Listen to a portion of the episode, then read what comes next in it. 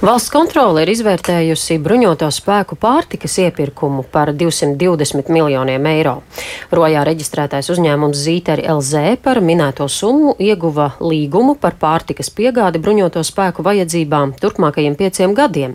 Šobrīd jau sākta saruna procedūra ar uzņēmumu par iepirkuma līguma pārtraukšanu, bet valsts kontrole revīzijā ir noskaidrojusi, vai šī jaunā pārtikas iegādes modeļa plānošana, iepirkuma par loģistikas pakalpojumu pakalpojumu par pārtikas piegādi īstenošana un arī noslēgtais līgums atbilst normatīvo aktu prasībām.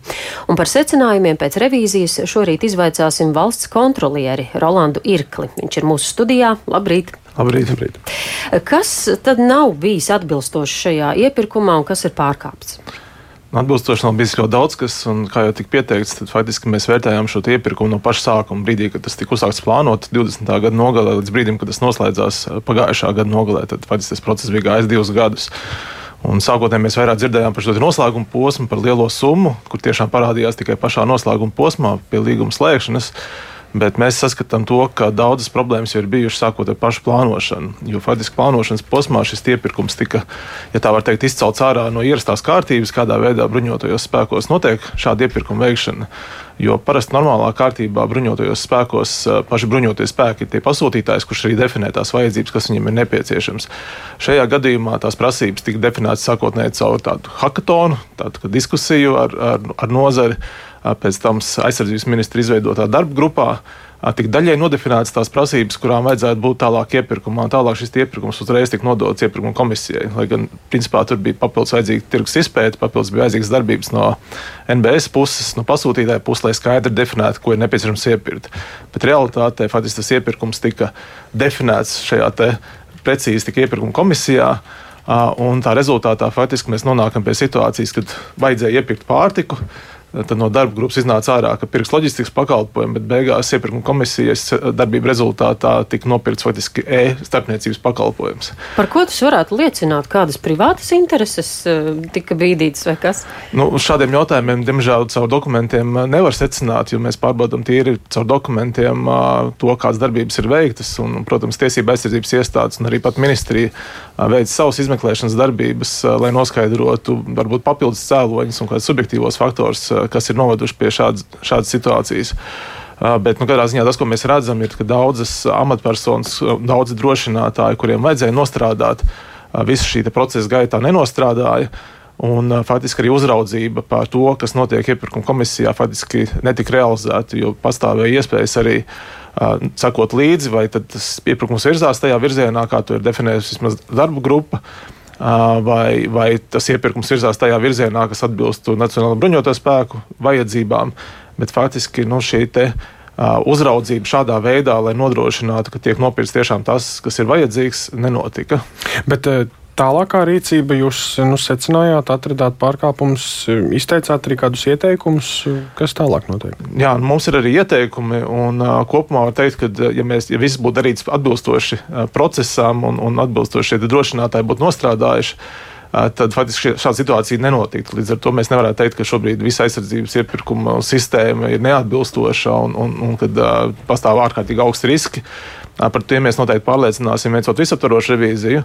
Bet uh, faktiski mēs šobrīd sniedzam ieteikumus vairāk par to, kā sistēmu vēl nu, pilnveidot tādā ziņā, ka varbūt ielikt kādu papildus drošinātāju, uh, kā pārliecināties to, ka, piemēram, līguma summa uh, atbilst eh, centralizētā iepirkuma plānā eh, noteiktai summai, ja, jo tas bija viens no pārkāpumiem, ka faktiski eh, līguma summa tika noteikta pretēji tam, kas ir noteikts centralizētā iepirkuma plānā. Tā kā ielikt šāds papildus kontrols mehānismus iekšējās kontrols vidas pilnveidošanai, lai tomēr šādas situācijas nebūtu iespējamas. Un šī līguma summa, tie 220 miljoni, tā tad nav bijusi adekvāta un no kurienes tā vispār uzrādās? Tā uzrādījās pašā, pašā beigu posmā, faktiski īsi pirms līguma slēgšanas, kad faktiski tika sarēķināta vairākiem gadiem šī pārtiks vajadzība, tika ņemts vērā arī inflācijas procents, tika ņemts vērā valsts aizsardzības dienesta izveide un tika ņemt vērā arī iespējamā krīzes apgāde. Līdz ar to nu, tā tika nodefinēta pēdējā brīdī, ko, ko nu, caur aprēķiniem, bet faktiski tas lielākais pārkāpums ir, kad šāda apmēra iepirkuma, šāda apmēra summas ir jāsaskaņo augstākā līmenī. To nevar izdarīt viena pati iepirkuma komisija, un tam ir jābūt paredzētam arī šajā centralizētā iepirkuma plānā. Aizsardzības resorā, un arī tas netika izdarīts. Nu, un, kad šis iepirkums nokļuva uzmanības centrā, tur runāja par iespējamu aizsardzības ministrijas darbinieku, iepirkuma komisijas pārstāvju atbildību. Jūs pētot dokumentus, kā jūs minējāt, jūs to skatāt ar dokumentiem, jūs jau redzat kaut kādus konkrētus cilvēku amatus, kas ir bijuši varbūt atbildīgi un vainīgi šajās situācijās.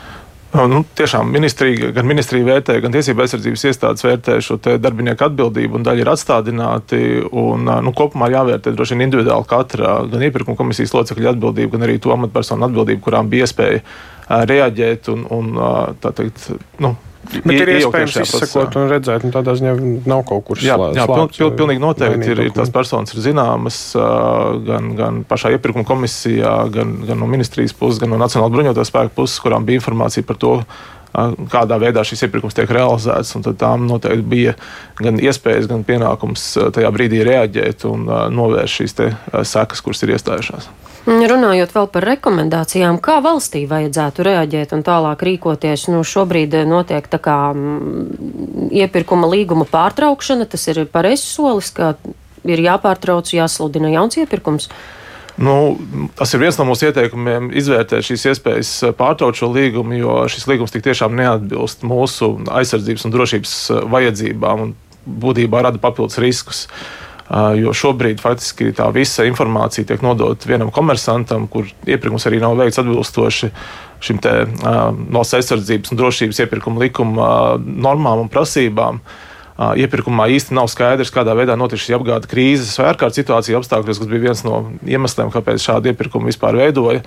Līdz ar to nu, iepirkums kā tāds, tas noslēgtais līgums šobrīd absolūti neatbilst tām vajadzībām, kādas ir Nacionālajiem bruņotajiem spēkiem. Līdz ar to ilgtermiņā nu, šādu līgumu nav, nav jēgpilni uzturēt, lai, lai nu, sekmētu mūsu aizsardzības spējas. Un jūs mūsu sarunas sākumā jau minējāt pats, ka nu, šim iepirkumam tās problēmas parādījās jau tad, kad bija rezultāts. Nu, beigās redzēja, bet jau pētot sīkāk, redzējāt arī problēmas jau no paša sākuma. Tas neliek domāt, ka ļoti plašo, plašos gadījumos un daudzos iepirkumos var būt tādas situācijas, mēs vienkārši nepievēršam uzmanību. Tam. Kā jau es minēju, tad faktiski šis iepirkums no paša sākuma tika organizēts ārpus tās ierastās kārtības. Ja, tad šīs prasības netika definētas no Nacionālajā bruņoto spēku puses, bet, bet aizsardzības ministra izveidotas darba grupas ietvaros. Līdz ar to, ja tas iepirkums būtu organizēts un plānots jau sākotnēji tā, kā tas ir paredzēts, ievērojot visas tās procedūras, kādas eksistē, Nacionālajā bruņoto spēku iepirkumos, tad eh, iespējams mēs šajā situācijā nenonāktu šodien. Mm, vai valstī ir līdz ar to kādi zaudējumi radušies? Tiešā veidā šo zaudējumu šobrīd eh, nav iespējams novērtēt. Faktiski tā labā ziņa, protams, ir tā, ka nav tā, ka uzņēmumam ir samaksā 220 miljoni. Tas, kas bija līdz aprīļa beigām, bija iepirkta pārtika par nepilnu miljonu eiro. Līdz ar to tas līgums šobrīd darbojās, un, un, un šī starpniecība tiek veikta. Uzņēmums faktiski ir saņēmis dažus desmitus tūkstošus eiro kā šo starpniecības maksu.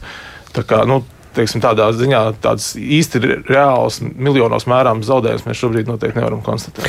Bet pirmdien kolēģiem Latvijas televīzijas redzījumā šodienas jautājums Nacionālo bruņoto spēku komandieris Leonīds Kalniņš apliecināja, ka karavīri saņem pārtiku pārāvumu nesot, bet, nu, ja, ja strādā tā sistēma, tas nenozīmē, ka mēs nevaram teikt, ka ir pārkāpumi. Sistēma strādā, viņa daļai arī strādā tādēļ, ka vēl ir vecie līgumi, cik es saprotu, un Nacionālajiem bruņotajiem spēkiem par pārtikas iegādi. Tā, tā pārtika tādā ziņā tiek nodrošināta, bet tie lielākie riski ir tādi, ka mēs nevaram šobrīd gūt pārliecību, ka tas notiek par ekonomiski izdevīgākajām cenām, jo tas nebija šis līguma priekšmets. Jo faktiski līguma priekšmets beigās ir šis e-platforma un e-pakalpojums. Un, līdz ar to nu, mēs nevaram teikt, ka šis līgums šobrīd atbilst tām, tām vajadzībām, kas ir Nacionālajiem bruņotajiem spēkiem. Tā, tā pamatlieta ēdiens šobrīd tiek nodrošināts, tur pārāvumu nav. Bet ilgtermiņā tas nenodrošina tās labākās intereses un vajadzības. Mm -hmm. nu, redzēsim, pie kā tas novedīs turpmāk. Paldies par sarunu šajā rītā valsts kontrolierim Rolandam Irklim.